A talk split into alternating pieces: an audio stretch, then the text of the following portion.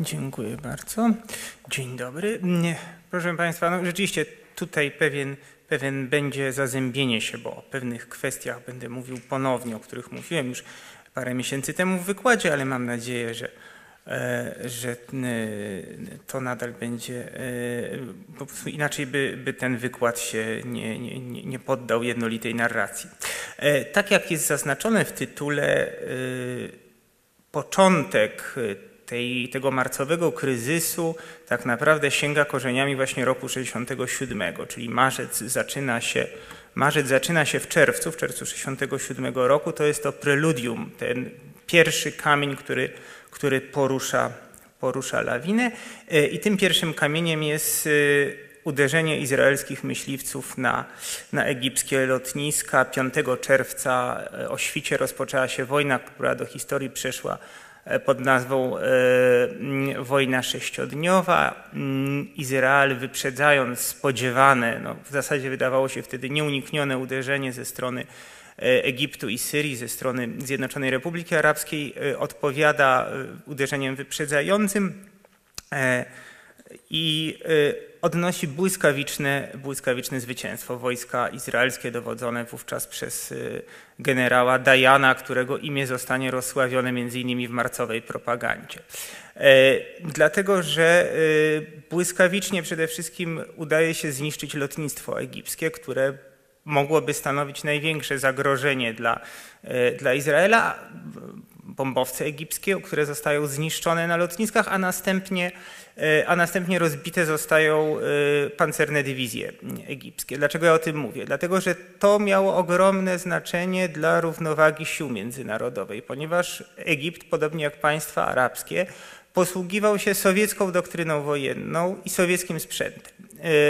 E, ten konflikt był w pewnym, pewnym sensie taką próbą, jak wiele innych konfliktów okresu zimnej wojny, był taką próbą sił między E, między Związkiem Radzieckim a Stanami Zjednoczonymi, między Układem Warszawskim a NATO. No i w tej konfrontacji okazało się, że e, Izrael, który, który ma sprzęt e, zachodni, który, który ma nowoczesną doktrynę wojenną, bliską tej, którą, którą używają państwa, która jest E, obowiązuje w wojskach NATO, między innymi zakładającą dużą samodzielność dowódców, odnosi ogromny sukces w starciu z wielkimi, niemobilnymi e, jednostkami e, egipskimi, gdzie właśnie sowieccy doradcy uczyli, że ze wszystkim należy czekać na rozkaz i wojsko działa dopiero po otrzymaniu odpowiednich poleceń ze sztabu generalnego. To zresztą w dużej mierze zgubiło właśnie e, e, wojska egipskie w tej pierwszej godzinie wojny, dlatego że Izrael wybrał jako moment ataku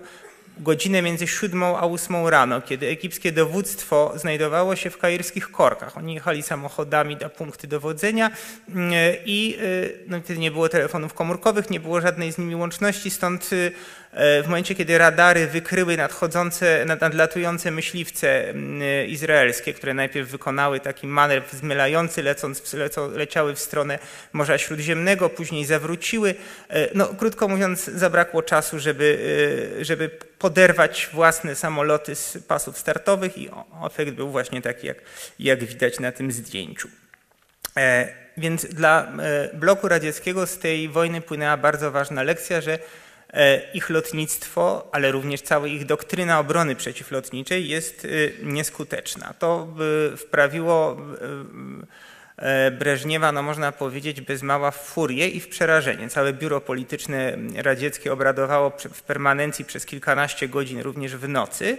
E, efektem tego było e, po paru dniach wezwanie wszystkich przywódców państw Układu Warszawskiego na, na Radę Doradczego Komitetu Politycznego Państw Stron Układu Warszawskiego. Tam był też Gomułka, wrócił e, z tej narady w Moskwie. Następnego dnia, 12 czerwca, Polska zerwała stosunki dyplomatyczne z Izraelem i też ta furia, którą jak gdyby Gomułka naładowany wrócił z Moskwy i ten nacisk radziecki na to, żeby Polska przyłączyła się do bardzo zdecydowanej dyplomatycznej ofensywy przeciwko Izraelowi, e, e, w dużej mierze zaważył na, na tym, co się później działo w kraju. Dlatego, że Gomułka przylatuje do Warszawy i na jego ręce, spływa, na jego biurko spływają bezpośrednio raporty z Ministerstwa Spraw Wewnętrznych dotyczące zachowania, czy też właściwie należałoby dodać rzekomego zachowania e, polskich Żydów. My nie wiemy do jakiego stopnia te raporty w ogóle opisują tak zwaną prawdę materialną, natomiast one z całą pewnością przedstawiają pewną wizję, którą E, ówczesne kierownictwo Ministerstwa Spraw Wewnętrznych chciało Gomułce przekazać. Czyli, że polscy Żydzi są nielojalni, cieszą się ze zwycięstwa Izraela, a więc e, państwa stojącego po przeciwnej stronie tej zimnowojennej barykady, pomstują na e, Związek Radziecki i przede wszystkim zapowiadają, że E, mają nadzieję, że jeżeli dojdzie do wojny światowej, to Polska przegra, przegra blok, e, blok radziecki, a wygra Izrael i Stany Zjednoczone.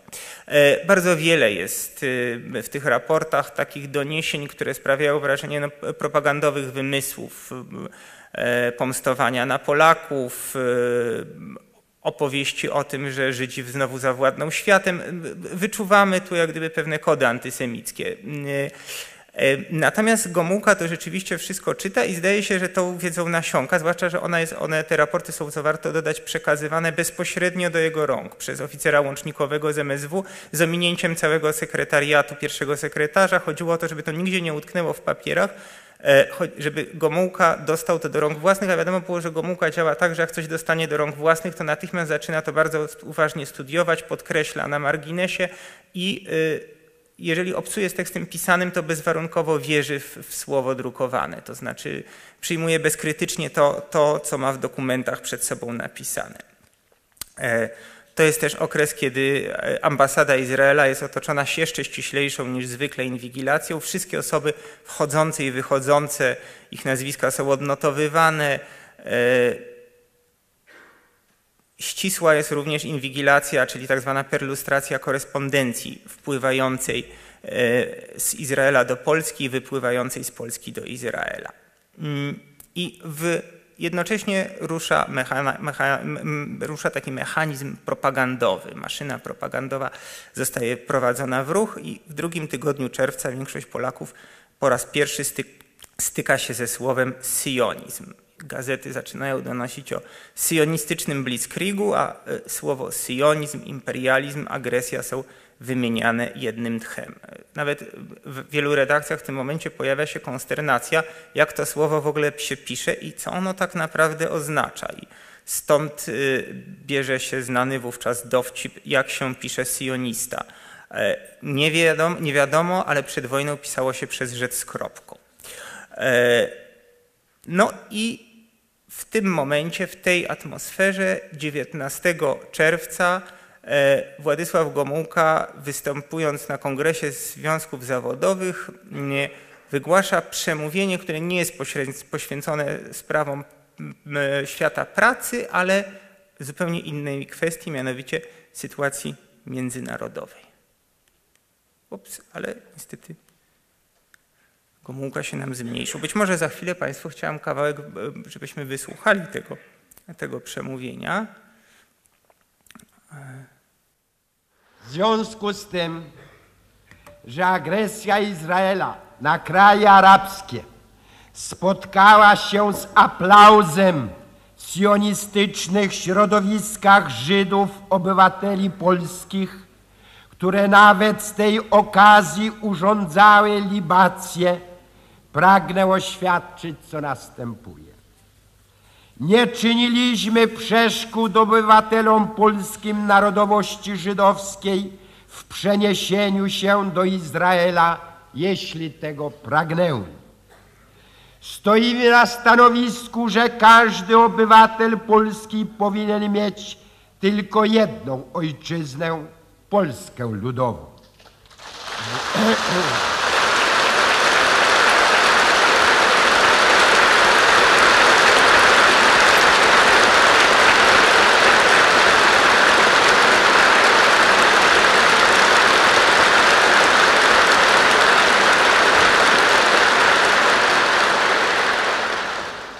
Władze państwowe traktują jednakowo wszystkich obywateli Polski Ludowej bez względu na ich narodowość.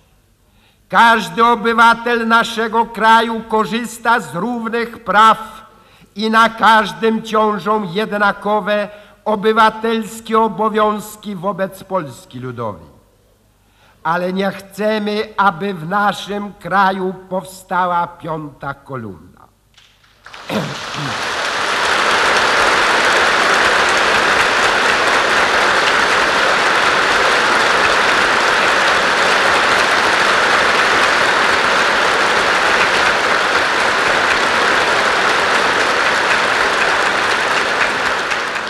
Nie możemy pozostać obojętni wobec ludzi, którzy w obliczu zagrożenia pokoju światowego, a więc również bezpieczeństwa Polski i pokojowej pracy narodu polskiego opowiadają się za agresorem, za burzycielami pokoju. Niech ci, którzy odczuwają, że słowa te skierowane są pod ich adresem, wyciągną z nich właściwe dla siebie wnioski.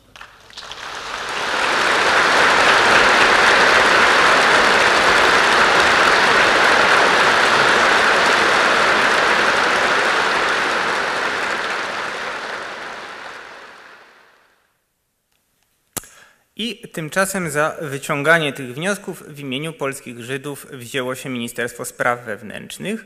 E, najważniejszy aktor y, rozgrywający w tym kryzysie politycznym i w antysemickiej czystki, w czystce lat 67-68 kierowany przez, przez Mieczysława Moczara, bo to w gruncie rzeczy w dużym stopniu on suflował Gomułce słowa o piątej kolumnie. Władysław Gomułka wiele na to wskazuje, w gruncie rzeczy nie był antysemitą, chociaż może się to wydawać dziwne po, e, po usłyszeniu takiego przemówienia, ale ta spiskowa wizja świata, w której, w której mamy do czynienia z ukrytym, zamaskowanym żydowskim wrogiem, nie była jego wizją. Natomiast na pewno była wizją Moczara, to wiemy e, z dużym prawdopodobieństwem. Mm, Moczar stał na czele takiej frakcji, ugrupowania, struktury w, w PZPR nieformalnej oczywiście, którą nazywano partyzantami od y, e, atencji okazywanej y,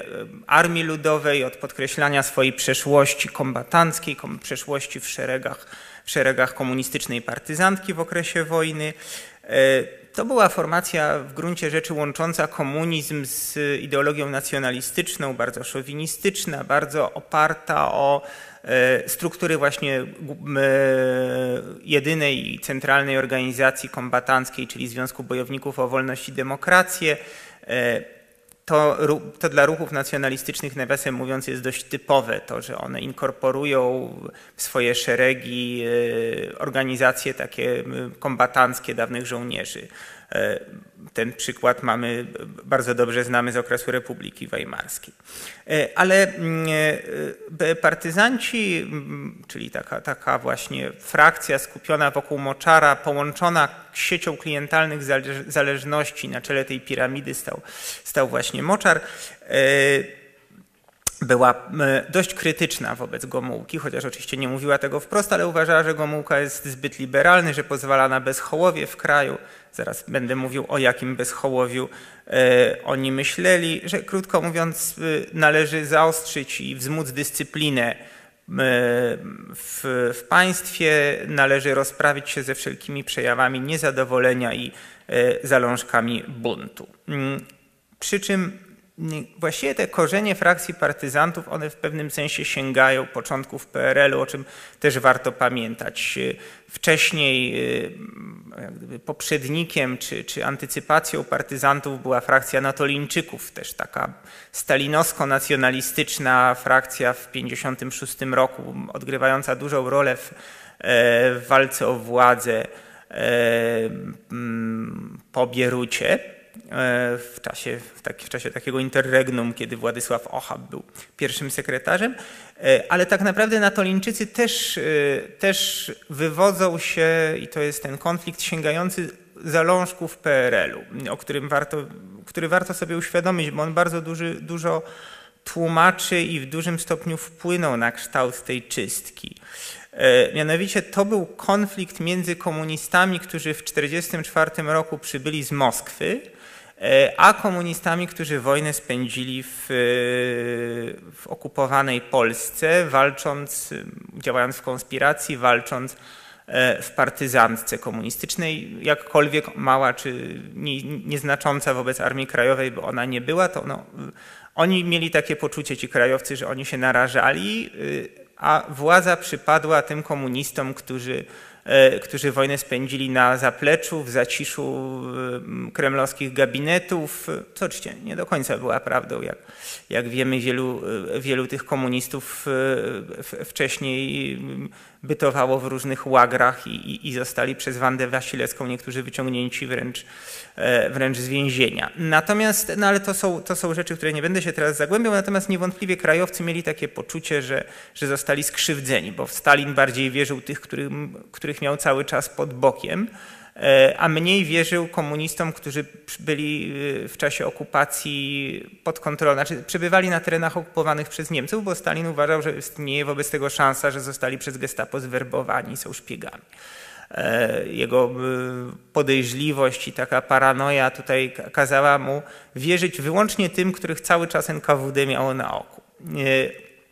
A tu jest jeszcze jeden istotny element, to znaczy, że wśród tych komunistów przybyłych z Moskwy było wielu działaczy pochodzenia żydowskiego. Najczęściej oni się z, nie, nie, identyfikowali z żydowskością, to znaczy to nie była ich tożsamość narodowa, oni albo się uważali za Polaków, albo w ogóle uważali, że takie kategorie nie mają znaczenia, bo, bo są żołnierzami sprawy walki o E, o wyzwolenie ludzi pracy i ich ojczyzną jest Związek Radziecki, ale mm, ta, ten podział on w dużej mierze został wywołany w ogóle przez, przez nazistowskie Niemcy, bo to projekt zagłady i hitlerowski antysemityzm w pewnym sensie zgalwanizował ten ruch komunistyczny, czyli, czyli działacze, e, działacze mm, pochodzenia żydowskiego musieli uciekać, bo oni nie mogli działać w konspiracji na terenie E, generalnej guberni, e, bo byli zagrożeniem dla każdej konspiracji, bo polowało na nich nie tylko gestapo, ale i szmalcownicy. E, w związku z tym konspiracja nie miała z nich żadnego pożytku. Oni najczęściej ratowali się uciekając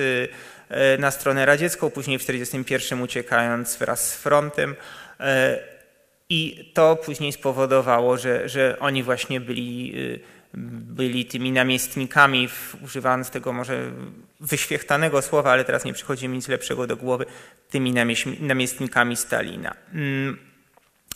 E, no i Moczar, e, Moczar pamiętał, że, że właśnie przegrał ten konflikt z, e, o, o wpływy. On wielu, wielu krajowców poszło siedzieć w, w okresie walki, tej czystki, walki z odchyleniem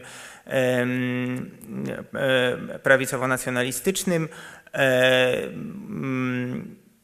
Moczar ocalał, ale za cenę bardzo upokarzającej samokrytyki, którą musiał złożyć na ręce Romana Zambrowskiego. I y, wszystko wskazuje na to, że on to bardzo Romanowi Zambrowskiemu zapamiętał, a Roman Zambrowski był właśnie komunistą żydowskiego pochodzenia przybyłym z Moskwy. Wydaje mi się, że ta personalne uprzedzenie i uraz Moczara miał niebagatelne, chociaż oczywiście nie jest to jedyny czynnik, ale miał niebagatelne znaczenie dla tego, co działo się w Polsce w roku 68.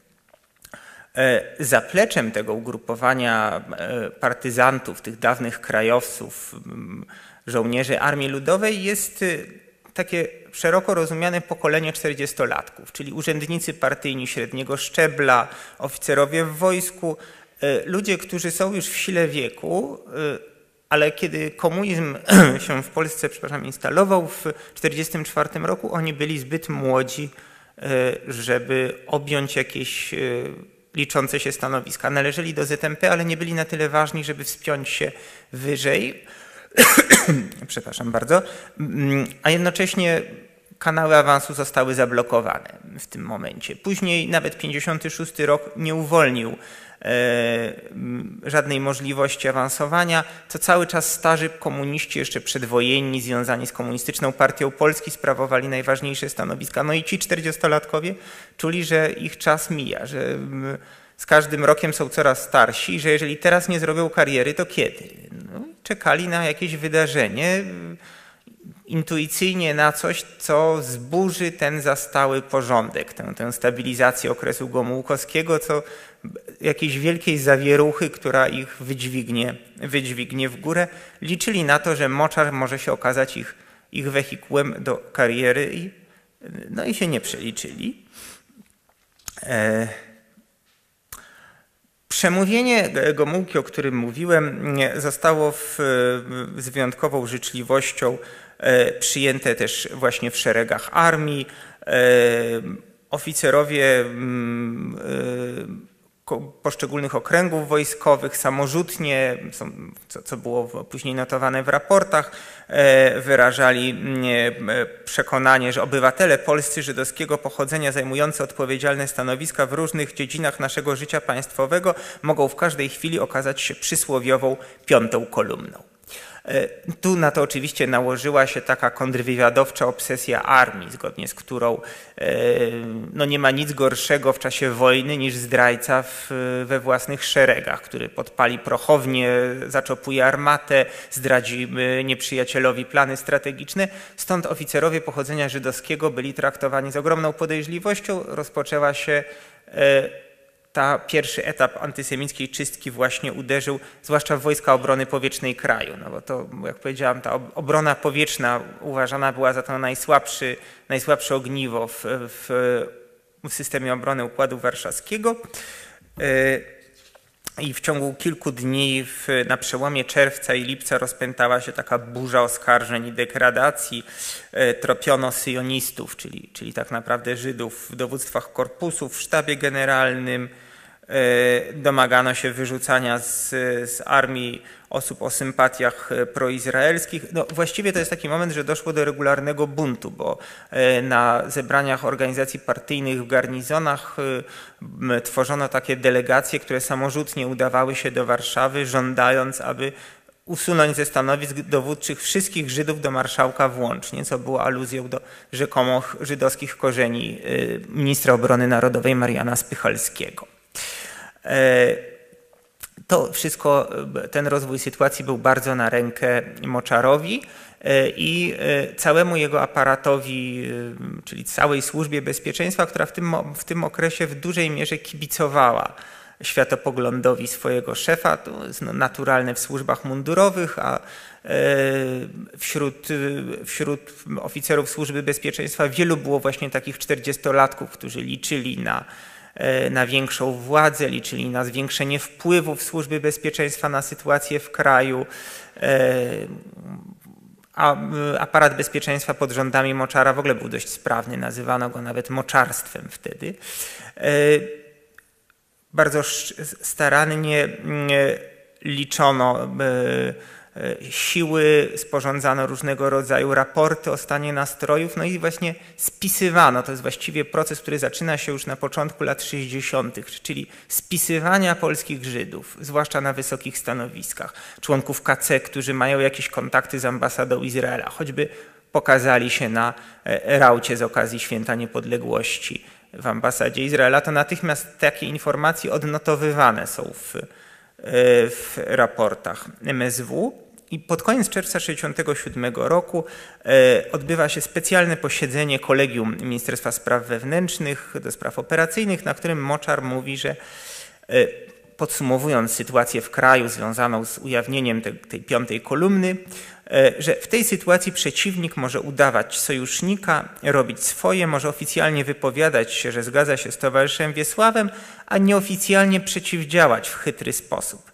Wielu naszych przeciwników trzeba będzie umieć odróżnić. To jest, e, to jest właśnie bardzo taka typowa figura z propagandy marcowej, już z propagandy roku 68, e, która apeluje o, o ujawnianie ukrytych, e, ukrytych Żydów. To jest w ogóle w propagandzie, w, w tej mowie marcowej, to jest odwołanie się do takich najbardziej podstawowych, najbardziej e, elementarnych instynktów. To, to jest w gruncie rzeczy to, to, to, lęk przed zamaskowanym wrogiem, przeświadczenie, że rzeczywistość tak naprawdę jest wielką fikcją. I jak zerwiemy ludziom maski z twarzy, to wtedy odkryjemy, kim oni są naprawdę, e, jest fundamentem wielu różnych teorii spiskowych. E, antropologowie kultury tłumaczą to w ten sposób, że to jest w pewnym sensie atawizm, znaczy to się w ogóle jeszcze wywodzi z, z czasów prehistorycznych, kiedy E, człowiek był e, łatwą ofiarą dla wielu drapieżników, no i ten, który wypatrzył tego tygrysa szablozębego gdzieś czającego się w zaroślach, e, przeżył, ten, który nie wypatrzył, nie przeżył. To jest jak gdyby odwołanie się do takich jakichś instynktów pierwotnych, gdzieś tkwiących w naturze ludzkiej, tego, żeby cały czas obserwować otoczenie i doszukiwać się zasadzki. Ale w każdym razie E, to bardzo przemawiało do wyobraźni, to że, to, że w Polsce żyją ludzie, e, którzy są naprawdę kimś innym. Trochę jak taka scena z horroru, kiedy nagle okazuje się, że pozorny przyjaciel, tak jak z Hitchcocka, tak naprawdę jest, jest mordercą. Mm, e, w czasie narady, o której mówiłem w Ministerstwie Spraw Wewnętrznych, podjęto decyzję, żeby polskich Żydów otoczyć właśnie ścisłą inwigilacją, żeby dokładnie i bacznie rozpoznawać, co oni robią, czym się zajmują, jakie są ich wypowiedzi, zbierać informacje od tajnych współpracowników. To jest też okres, kiedy następują pewne znaczące przetasowania w strukturach służby bezpieczeństwa, e, mianowicie jesienią 1967 roku e, wicedyrektorem Departamentu Trzeciego zajmującego się e, walką z wrogiem wewnętrznym zostaje pułkownik Tadeusz Walichnowski, wcześniej pracownik wywiadu i autor e, dość takich znanych książek właśnie poświęconych imperialistycznym zakusom światowego sionizmu, sojuszowi niemiecko-sionistycznemu, oczywiście chodzi o Niemcy zachodnie, mm, więc jednocześnie, jednocześnie pracownik aparatu i y, można by powiedzieć ekspert, znawca tematyki. Y, stąd y, mówiono później, że stał on na czele, przez podobieństwo do, do tego, czym kierował Eichmann w gestapo, do, na, na czele takiego nieformalnego departamentu żydowskiego. E, na to nie ma wprost dowodów w materiałach źródłowych. Sam Walichnowski, pytany o to przez historyków pod koniec swojego życia, absolutnie się wypierał, mówił, że nic takiego nie robił, że to wszystko jest nieporozumienie. No ale niewątpliwie zgromadzenie ogromnej ilości informacji, ja będę o tym mówił, która niedługo, te informacje, które parę miesięcy później wypłyną i będą używane, no, wymagało choćby nieoficjalnie, nieformalnie powołania jakiegoś ciała koordynującego. Ktoś w tych służbach musiał się zajmować liczeniem tych Żydów. Prawdopodobnie to Tadeusz Walichnowski i ludzie z, z nim związani.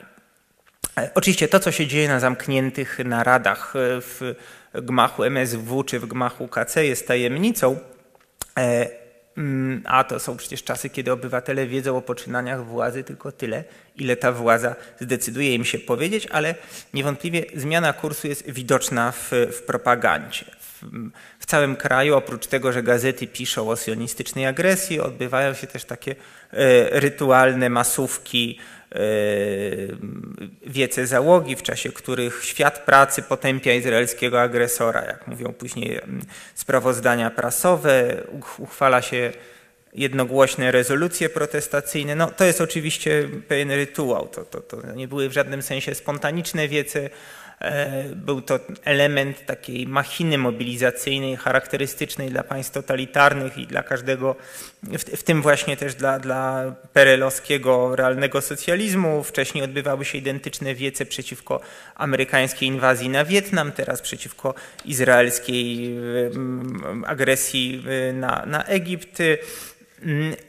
Ale, e, mm, ale oczywiście ten, ta, ten klimat i ta atmosfera w pewnym sensie uwolniły czy odblokowały pewnego rodzaju resentymenty i pewnego rodzaju poglądy, których jednak wcześniej w PRL-u nie wolno było w każdym razie publicznie głosić. Krótko mówiąc, to odblokowało istniejący gdzieś podskórnie antysemityzm, takie pokłady antysemickich wzorów interpretowania rzeczywistości, e, co zresztą e, odnotowują same raporty Ministerstwa Spraw Wewnętrznych. Trudno jest powiedzieć, czy z nagamną, czy z aplauzem, ale w każdym razie można przeczytać, że robotnicy w fabryce takiej a takiej mówią, gdyby Hitler skończył z Żydami, to nie byłoby teraz powodu do wojny.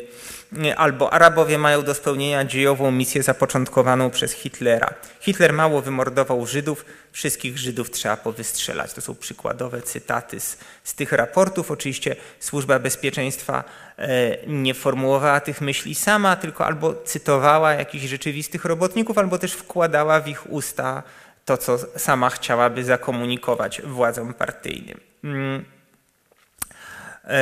E, ten pierwszy etap czystki 67 roku, który głównie objął pewne redakcje, jeszcze będę o tym mówił, e, oraz wojsko, stopniowo jesienią 67 roku traci, mm, traci rozpęd. Jak gdyby ta czystka zaczyna spowalniać. Niektórzy już zaczynają mieć nadzieję, że ta sprawa z tą piątą kolumną rozejdzie się po kościach e, polscy Żydzi, ci, którzy byli przerażeni słowami Gomułki i spodziewali się pogromów, no, myślał sobie, że może jednak e, sprawa, sprawa skończy się tylko na, na tych wyrzuconych oficerach z wojska. No ale okazuje się, że ta czystka nie na długo się zatrzymała.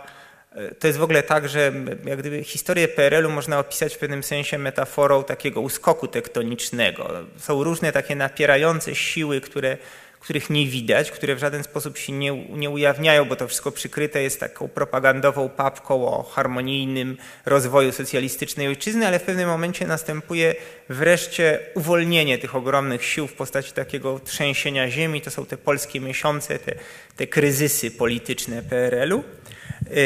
No i w 1968 roku tych, te, te, trzęsienie ziemi było wynikiem nakładania na siebie różnych, bardzo dużych, silnych, prących mechanizmów. To nie było jedna płyta tektoniczna, tylko kilka naraz na siebie napierało.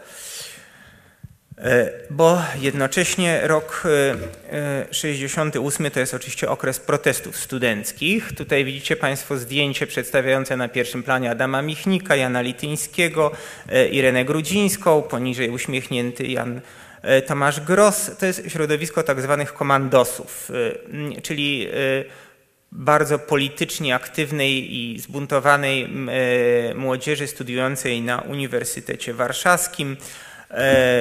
Wielu tych młodych ludzi zna się jeszcze z licealnego klubu poszukiwaczy sprzeczności, który, e, w którym odbywały się różnego rodzaju spotkania dyskusyjne poświęcone e, historii najnowszej Polski, poświęcone zagadnieniom socjologii, gospodarki, bardzo takie podszyte krytycyzmem wobec rzeczywistości perelowskiej. To już wtedy władzy się nie podobało. Komandosi wchodzą mniej więcej, to środowisko wchodzi w 1964 roku na Uniwersytet Warszawski y, i znowu zaczyna się włączać w różnego rodzaju oficjalne debaty organizowane przez ZMS. Y, ci młodzi ludzie przychodzą na, na takie oficjalne zebrania i zadają niewygodne pytania, y, gdyby zbijając mówcę z pantałyku i nudny taki propagandowy referat zamieniając w dyskusję o sprawach istotnych, o kryzysie gospodarczym, o nierównym e, podziale dochodu, o białych plamach w polskiej historii, czasami też o Katyniu na przykład e, ponieważ oni przychodzą tak z nienacka, więc władze partyjne o, o, zaczynają o nich mówić, że są jak komandosi. Stąd do tego środowiska później przylgnęła nazwa komandosi. E, mm. To jest y, środowisko, które bardzo aktywnie zaprzyjaźnia się, współpracuje z Jackiem Kuroniem i Karolem Modzelewskim. To są ich starsi koledzy, e, autorzy listu otwartego do partii. Mm, sprawa listu otwartego do partii, za który Kuroń i Modzelewski, za kolportaż, którego Kuroń i Modzelewski zostają aresztowani, a następnie skazani na więzienie, uwalnia z kolei taki mechanizm różnych, różnego rodzaju akcji protestacyjnych. Komandosi organizują między innymi e, demonstracje na korytarzach sądu. No, to wszystko rzecz jasna nie uchodzi e, uwadze służby bezpieczeństwa, podobnie jak spotkanie w dziesiątą rocznicę października z Leszkiem Kołakowskim, w którym w czasie tego spotkania na Uniwersytecie Warszawskim Kołakowski niezwykle krytycznie mówi o rzeczywistości perelowskiej, e, wspierany później przez głosy z sali właśnie pochodzące od, od ludzi z tego środowiska komandosów. liczącego mniej więcej około 100 osób, chociaż to oczywiście nie, nie, nie, było, nie było w żadnym sensie formalne grono, to była taka luźny konglomerat różnych środowisk, kręgów towarzyskich, ta swoboda i śmiałość dyskusji po prostu przyciągały coraz tam nowe osoby, które do tego grona jakoś wchodziły i, i uczestniczyły w tych rozmowach. No i mm, Służba Bezpieczeństwa to bardzo dokładnie wszystko y, śledzi. Jej uwadze ubeków nie uchodzi zwłaszcza to, że część komandosów ma korzenie żydowskie, a część rodziców na wysokich stanowiskach. I to najczęściej są te same części. E, to znaczy to im się układa, tym ubekom, w jedną spójną całość. To zaczynają widzieć w tym element jakiegoś spisku. Skoro to dzieci żydowskich dygnitarzy pomstują na ludową ojczyznę, to zapewne robią to za wiedzą i, i być może na polecenie rodziców, a ci rodzice to są właśnie te stare pokolenie przedwojennych KPP-owców, e, z którymi zamierzamy się rozprawić e, w ramach uwalniania ojczyzny od, od wrogich sił i od piątej kolumny. Na razie bezpieka nic nie może zrobić, bo teren uniwersytetu jest y, eksterytorialny, plus władze partyjne nie dają zielonego światła na masowe aresztowania, y, więc y, te wszystkie działania są spisywane w raportach, działania komandosów, no i oczywiście temu spisywaniu towarzyszy taka frustracja, którą można by kolokwialnie wyrazić w takim zdaniu, że my jeszcze was gówniarze dorwiemy. No to niewątpliwie i to w wielu, wielu notatkach na marginesie takich raportów, nie wprost wyrażone, ale takie przekonanie o tym, że prędzej czy później z tej wiedzy, którą gromadzimy, zrobimy użytek, to, to przekonanie jest, jest widoczne. E, tymczasem jest jesień 67 roku. E, w Teatrze Narodowym e, wystawiany jest spektakl Dziady w reżyserii Dejmka. Ze względu na manifestacje, które mają miejsce na, na, na widowni, władze ograniczają liczbę przedstawień. Później oświadczają, że spektakl zostanie w ogóle zdjęty z afisza e, i w tym momencie e, dochodzi do gwałtownych protestów e, właśnie ze strony studentów, już nie tylko Uniwersytetu Warszawskiego, ale też szkoły teatralnej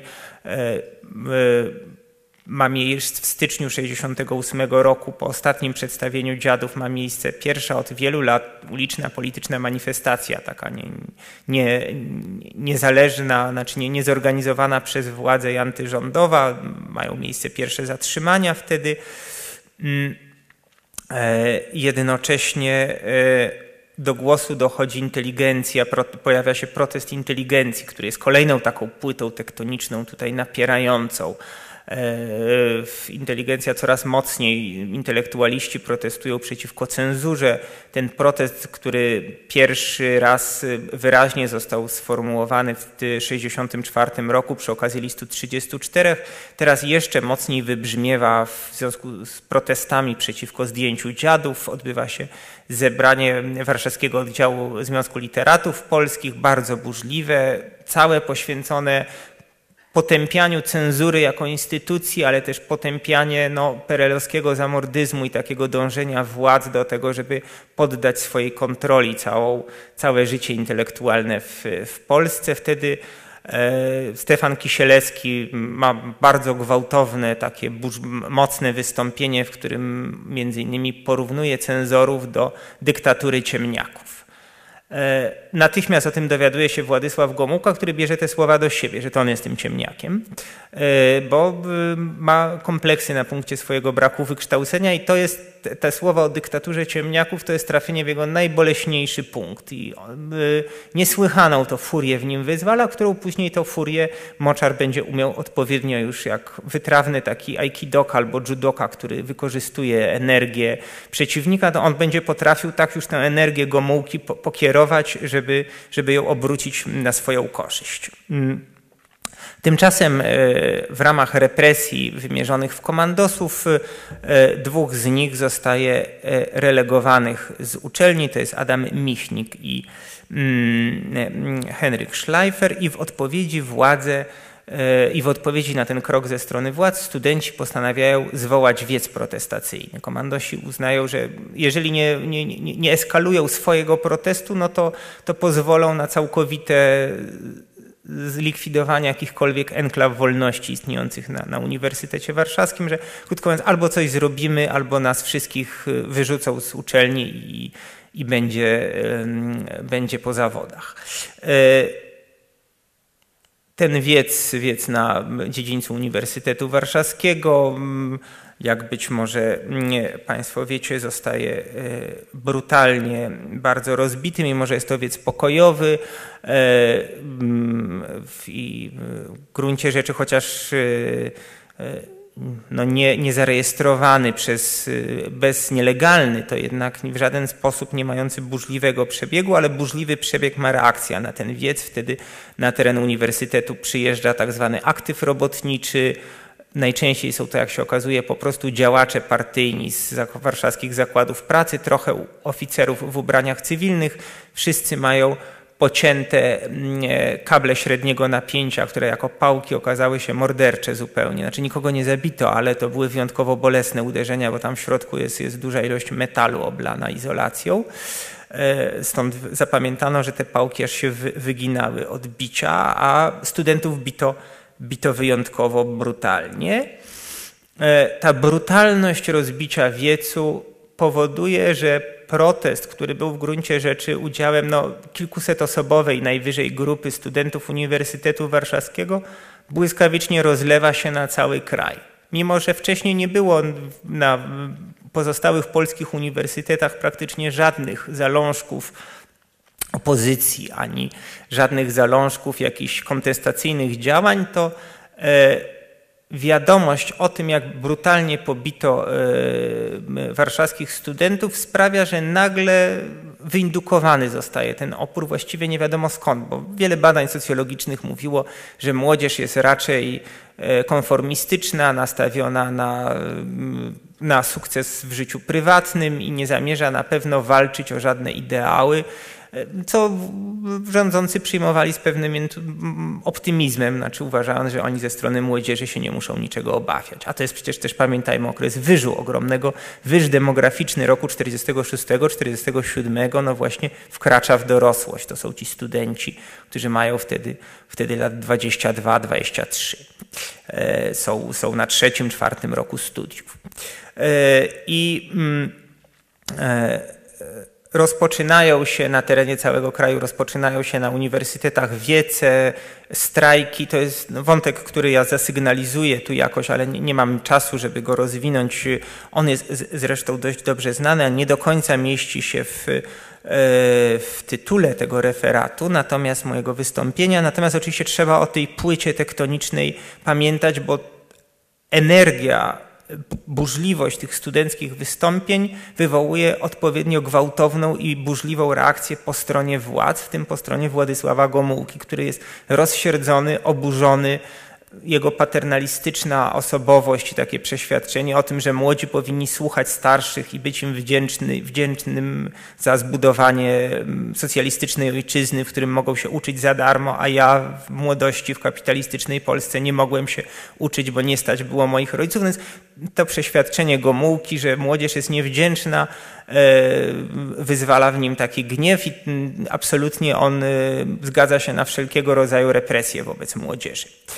E, a represjom policyjnym towarzyszy gwałtowna erupcja kampanii propagandowej. Te wszystkie wątki, które zostały zasygnalizowane w roku 67, teraz wybuchają ze zdwojoną albo nawet w trójnasób e, siłą. Sygnałem uruchamiającym tę kampanię propagandową jest wystąpienie w 11 marca e, Józefa Kempy, sekret, pierwszego sekretarza Komitetu Warszawskiego, który do aktywu warszawskiego wygłasza takie przemówienie, demaskując, że organizatorami studenckich rozróbek są studenci pochodzenia żydowskiego. I yy, E, Kempa mówiąc dalej o komandosach, mówi, że to są e, uczestnicy klubu Babel przy Towarzystwie Społeczno-Kulturalnym Żydów Polskich, przy czym ten klub Babel często w dokumentach esbeckich przeklecany jest na klub imienia Babla. E, ale y, to jak gdyby nie robi im różnicy. Generalnie chodzi o podkreślenie, że to jest coś jak obcego, niepolskiego, e, z gruntu nam mm, nieprzyjaznego. E, Kempa w tym swoim wystąpieniu wypomina kontestatorom nie tylko żydowskich rodziców i żydowskie, znaczy nie tylko rodziców dygnitarzy i nie tylko żydowskie pochodzenie, ale też znajomość mm, języków obcych. Mówi na przykład jest to w większości tak zwana światowa i obyta młodzież, zafascynowana Zachodem, która ze względu na pozycję swoich rodziców ma dobre warunki materialne i bez skrupułów pełną garścią korzysta z różnego rodzaju udogodnień. Ci właśnie stroją się w piórka wyrazicieli opinii wszystkich studentów, uzurpują sobie prawo reprezentowania ich interesów wobec władz uczelni.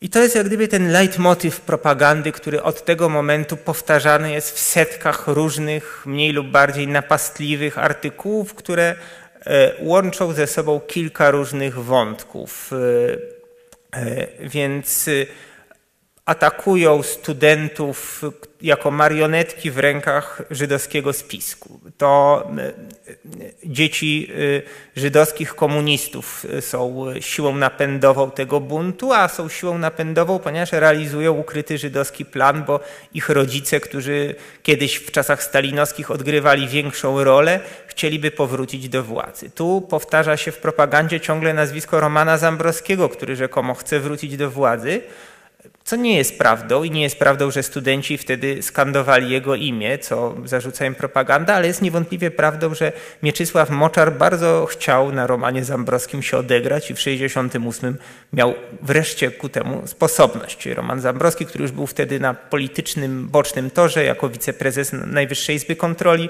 zostaje usunięty zaraz z tego stanowiska.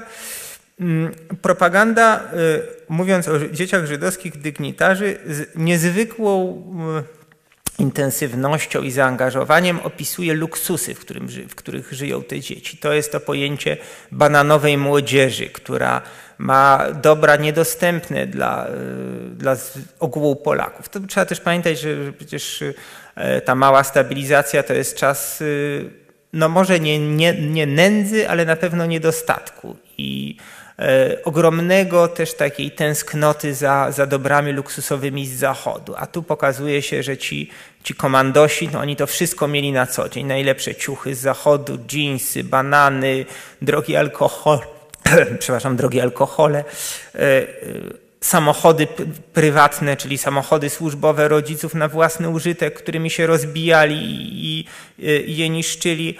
A Jednym z takich najważniejszych cyklów artykułów propagandowych jest cykl mm, Aliny Rojt i Zdzisława Andruszkiewicza na łamach walki młodych Bananowe Jabłka, który ma opowiadać o tym, że ta bananowa, jab, bananowa młodzież to są jabłka, które padają niedaleko od jabłoni, że to jest y, że to jest krótko mówiąc klika, która y, rodzinne powiązania wykorzystuje do tego, żeby, żeby zawładnąć krajem. Co istotne, to są wszystko y, y, informacje. Ludzie są zaskoczeni, bo to jest niebywała otwartość ze strony propagandy. To znaczy po raz pierwszy propaganda komunistyczna ujawnia, jeśli tak można powiedzieć, alkowe E, tajemnice alkowy. E, po raz pierwszy odkrywane jest to, co się dzieje za kulisami. Ludzi to niesłychanie fascynuje i czytają niewątpliwie z zainteresowaniem w tej nudnej dotychczas propagandzie. Nagle coś się zaczyna dziać.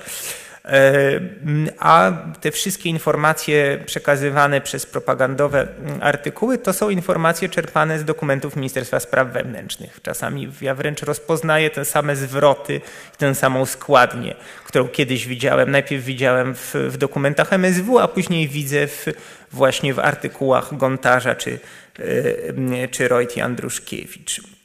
Demaskuje się żydowskich dygnitarzy co jest niebywałe jak na perelowską rzeczywistość, no bo krytyką, krytyka nigdy nie mogła być wymierzona we władzę. Naj, najwyżej można było krytykować leniwych kelnerów, no powiedzmy zastępcę dyrektora góra. Natomiast krytykować ministrów i wiceministrów i wytykać im e,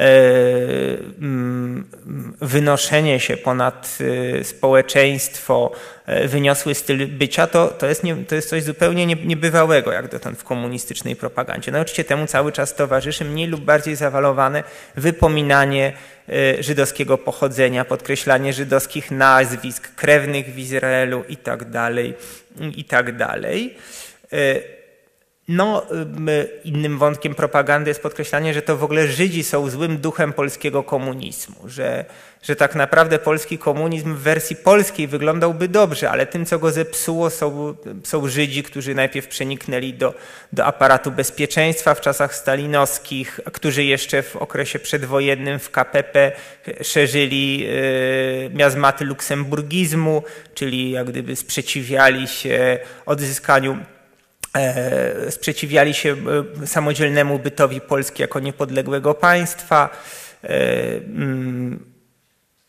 Mieczysław Moczar w słynnym wywiadzie dla Polskiej Agencji Prasowych mówił, mówił o tych, którzy przyszli ze wschodu w szarych szynelach. To mieli być właśnie ci żydowscy komuniści, którzy, którzy są dla Polski nieszczęściem. Potępiano także, i co istotne, bardzo mocno potępiano inteligencję, która zakłamuje polską historię i która nie jest dumna z narodowych tradycji, tylko wyśmiewa je i mówi o jakiejś bohaterszczyźnie. Ten wątek bardzo mocno obecny był w krytyce jeszcze ciągnącej się od 1967 roku na gonce na tak zwanych encyklopedystów, czyli redaktorów Wielkiej Encyklopedii Powszechnej, gdzie w ósmym tomie w haśle obozy koncentracyjne opisano szczegółowo straty y, żydowskie i to, że Oświęcim był obozem zagłady, gdzie mordowano y, w 99% Żydów, ale nie napisano o tym, jak wielką E, nie napisano o martyrologii polskiej w odpowiednio wyraźny sposób. I to posłużyło jako asumpt po pierwsze do czystki w ogóle w Państwowym Wydawnictwie Naukowym. Kilkadziesiąt osób zostało wyrzuconych z pracy, e, a po drugie do e, forsowania takiej właśnie linii nagonki propagandowej, że oto inteligencja nie chce myśl pamiętać o polskiej martyrologii, że reprezentuje syjonistyczno-niemiecki punkt widzenia, że Encyklopedia Powszechna się tak naprawdę powinna nazywać Brockhaus.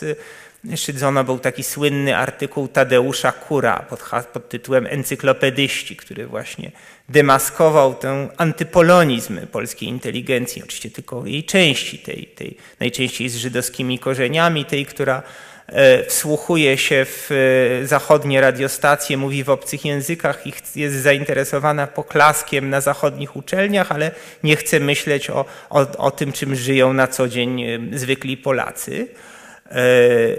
Mm, ja zacytuję jeszcze, mimo że czas bardzo mi upływa, to właściwie już upłynął, ale zacytuję taką wypowiedź Moczara z wywiadu.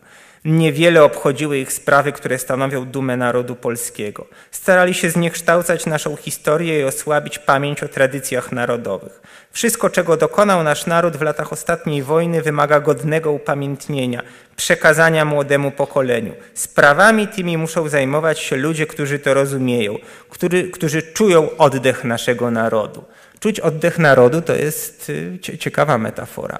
E, ale, y, ale no to, właśnie, y, to właśnie oczywiście ta propaganda stanowiła przyzwolenie i zachętę do ogromnej czystki, która wtedy przetacza się przez Polskę e, wiosną 1968 roku która ma w dużej mierze charakter oddolny. Wcześniejsze czystki, czystka roku 56, a już zwłaszcza czystka, walka z odchyleniem prawicowo-nacjonalistycznym pod koniec lat 40. była odgórna, była sterowana przez, przez górę. A tutaj zaczyna się wszystko na dole. W, na zebraniach podstawowych organizacji partyjnych, y, zazwyczaj w poszerzonym składzie, czyli z udziałem również bezpartyjnych, y, gdzie zawsze mechanizm jest ten sam. Ktoś nagle wstaje i mówi, że zebraliśmy się tutaj, żeby y, y, y, wyrazić solidarność z Towarzyszem Gomułką, z Towarzyszem Wiesławem, ale też, żeby wskazać sionistów wśród nas. I tu nagle po, pojawiają się takie personalne ataki, że dyrektor, że inżynier, że ktoś z grona pedagogicznego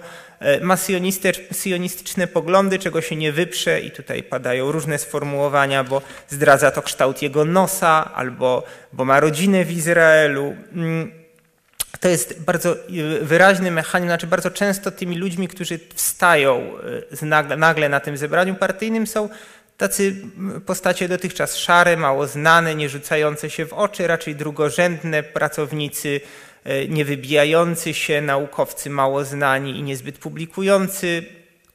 To jest ten moment, kiedy nagle, nagle oni poczuli, nie, poczuli siłę i moc.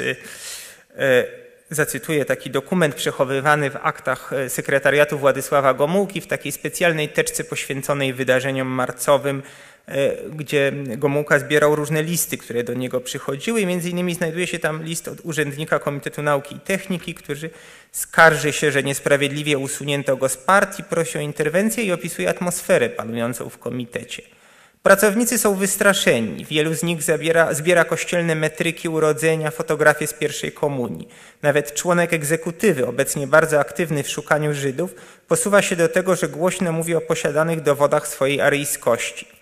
Zgłosił się do mnie do biura kadr towarzysz, młody inżynier, który oświadczył, co następuje. Działająca komisja weryfikacyjna zapytała go, czy jest Żydem, a na jego zaprzeczenie zażądała przedstawienia dowodów. W związku z tym towarzysz ten parę dni temu pojechał do Łodzi ze swojej parafii, wydostał metrykę chrztu swoją, swego ojca i matki. Równocześnie opowiedział o rozmowie z księdzem, który żalił się, że obecnie ma nawał pracy, bo setki ludzi zgłaszają się po metryki chrztu.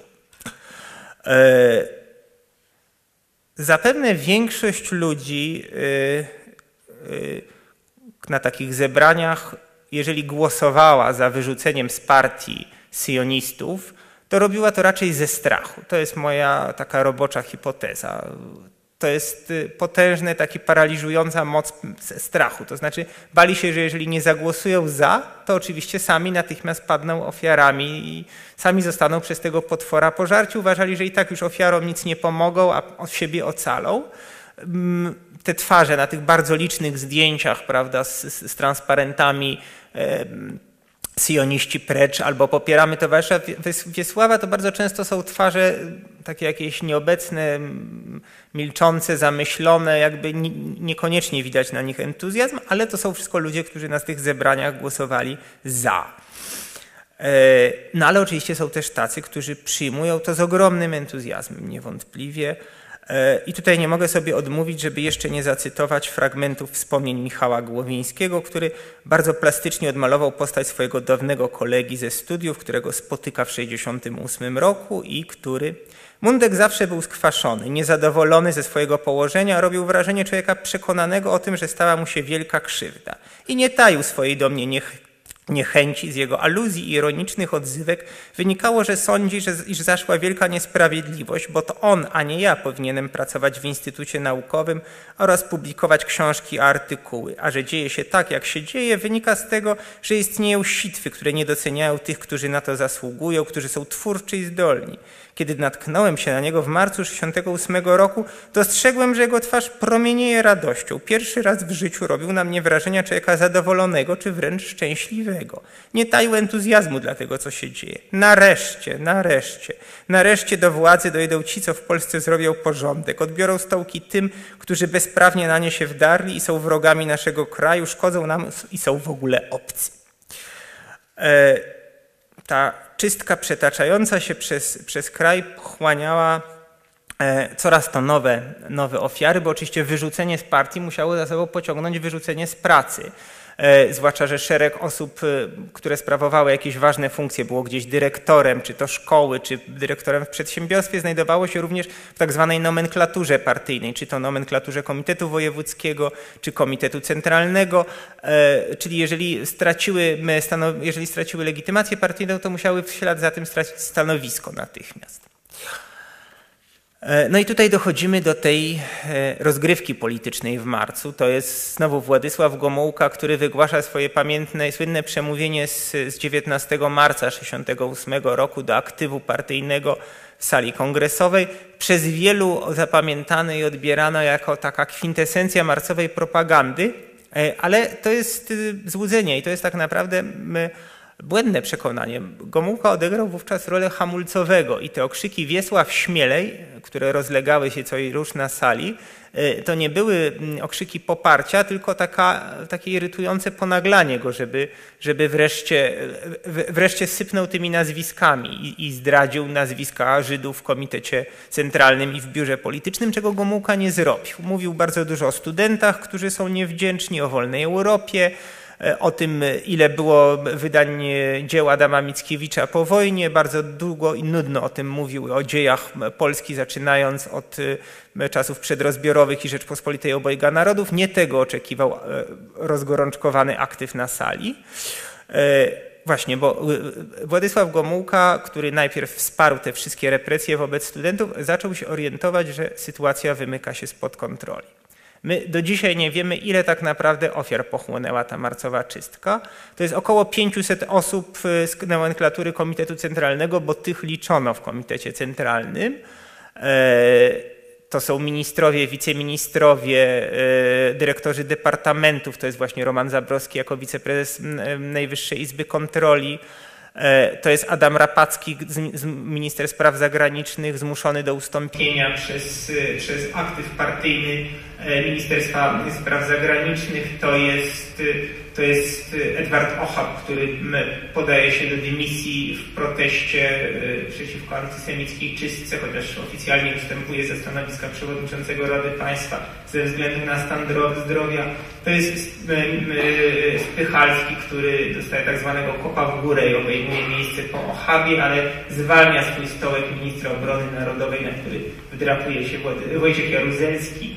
E, no, to jest cała karuzela stanowisk, którą, ta karuzela, Gomułka obserwuje z rosnącym niepokojem. Ten niepokój w różnych zaprotokołowanych jego wypowiedziach, jak się to czyta, to na, na, zamkniętych oczywiście posiedzeniach partyjnych, to widać, że on tak zaczyna mówić, że towarzysze, ale z tym sionizmem to nie przesadzajcie, wolna Europa to jest dopiero zagrożenie.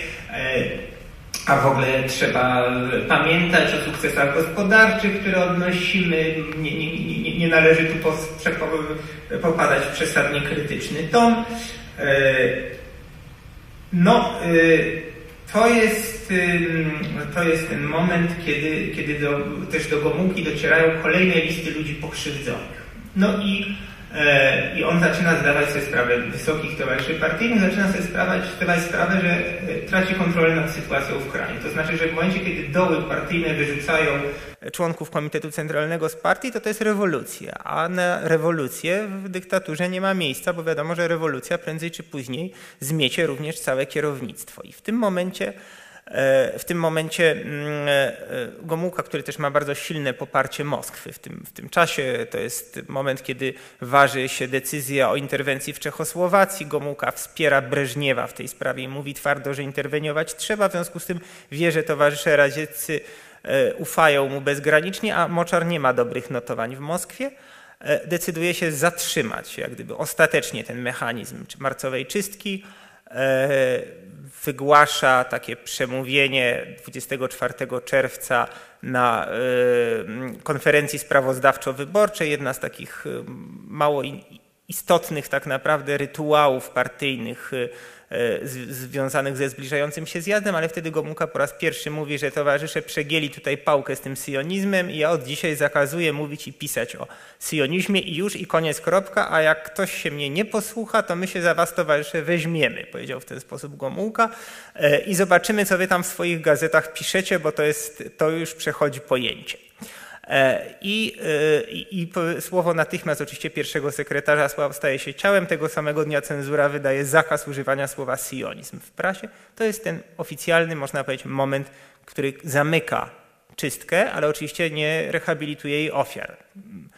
500 osób w skali całego kraju, w skali e, Warszawy i w skali jak gdyby kierownictwa najwyższych stanowisk partyjnych i państwowych, no ale do tego dochodzą tysiące ludzi pozbawianych pracy, często wcale nie sprawujących żadnych wysokich funkcji, będących lekarzami, inżynierami, nauczycielami, dziennikarzami e, w różnych, e, w różnych lokalnych instytucjach, w szkołach, w zakładach pracy, bo przecież ten marzec rozgrywa się z ogromną siłą na prowincji. On być może właśnie na prowincji, czyli poza Warszawą jest najmniej najmniej zbadany.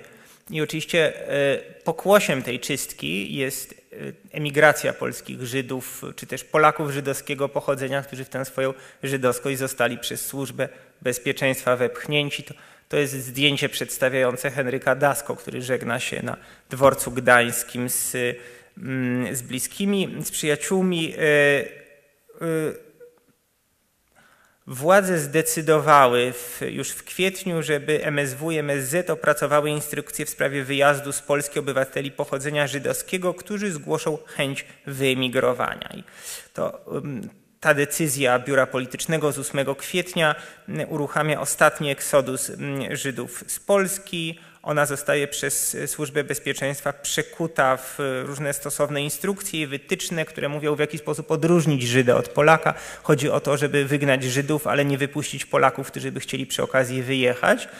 E, e, ale też, żeby tych Żydów wygnać, bo władzy zależało na stworzeniu pozorów, że syjoniści opuszczają Polskę dobrowolnie, dowodząc tym samym swojej nielojalności, czyli że ofiara pokazuje, że zarzuty jej postawione są prawdziwe. Skoro wyjeżdżają, to znaczy, że nie są lojalni. To była ta dość przewrotna dość przewrotny mechanizm, który, który towarzyszył tej emigracji. E, a miał potwierdzać tę propagandową tezę o piątej kolumnie. No i w rzeczywistości te wyjazdy przypominały w dużej mierze raczej deportację. No, miejsce przymusu fizycznego zastępował taki bardziej wyrafinowany, powiedziałbym, psychologiczny i materialny. Bo polscy Żydzi, a w każdym razie ludzie, którzy jako tak, tacy zostali zdefiniowani przez Służbę Bezpieczeństwa, tracili w dużej mierze szansę na, na normalne życie. Ich wyrzucano z pracy, pozbawiano emerytur, renty, e, często mieszkań, bo jeżeli mieszkanie było służbowe, no to kazano im się wynosić z tych mieszkań po utracie pracy. Na drzwiach pojawiały się antysemickie napisy, w nocy dzwoniły telefony z pogróżkami. E, motywy emigracji były bardzo zróżnicowane, ale e, przeważała ta, taka obawa, no właśnie obawa o przyszłość swoją, swoich bliskich, chęć wykonywania wybranego zawodu, co było ważne zwłaszcza dla relegowanych studentów, którym w czasie przesłuchań oficerowie służby bezpieczeństwa mówili, że wy tu w najlepszym razie będziecie stróżami nocnymi w tym kraju, a i to nie wiadomo. Nigdy studiów już nie skończycie, nigdy nie będziecie mieli dobrej pracy, ale macie taką ładną ojczyznę, dlaczego wy do niej nie wyjedziecie? To jest stały motyw powracający w przesłuchaniach, ewidentnie wynik jakichś mniej lub bardziej pisemnych, pisanych instrukcji dla tych oficerów przesłuchujących wydawanych przez, przez centralę. E, e, no, e, emigrujący zostali z tej polskiej wspólnoty narodowej wykluczeni w jakiś sposób, w sposób administracyjny. Często dopiero szukali w bardzo dramatycznych okolicznościach pomysłu na nową tożsamość. Te pożegnania na dworcu gdańskim, który był pierwszym punktem tranzytowym do Wiednia, z którego, z którego ta, ci emigranci następnie rozjeżdżali się po świecie, bo z, właśnie z dworca gdańskiego odjeżdżały pociągi międzynarodowe do Wiednia. No, te pożegnania były bardzo dramatyczne, bo to było wiadomo wtedy, że to jest decyzja w zasadzie do końca życia, bo ci, którzy dostali paszporty, czy właściwie dokumenty podróży pozwalające w zamian za zrzeczenie się obywatelskiego, zrzeczenie się obywatelstwa polskiego na podróż w jedną stronę, że oni już nie będą nigdy mogli wrócić do kraju. Władze im nie pozwolą. Ci, którzy zostaną, nigdy nie będą wypuszczeni. To znaczy, że że tu jest ta potężna komunistyczna dyktatura, która szczelnie zamyka granice i ona decyduje, kogo wpuścić, kogo wypuścić. E, y, I że to jest jedyny moment, w którym można wyjechać. Stąd niektórzy wyjeżdżali wbrew sobie po to, żeby nie rozstawać się z, z, z rodzeństwem, z rodzicami, z małżonkami, z narzeczonymi inni jednak chcieli zostać z tych samych powodów, kogoś zostawiali w kraju e, albo kogoś e, z kimś na zawsze rozstawali się, kto wyjeżdżał.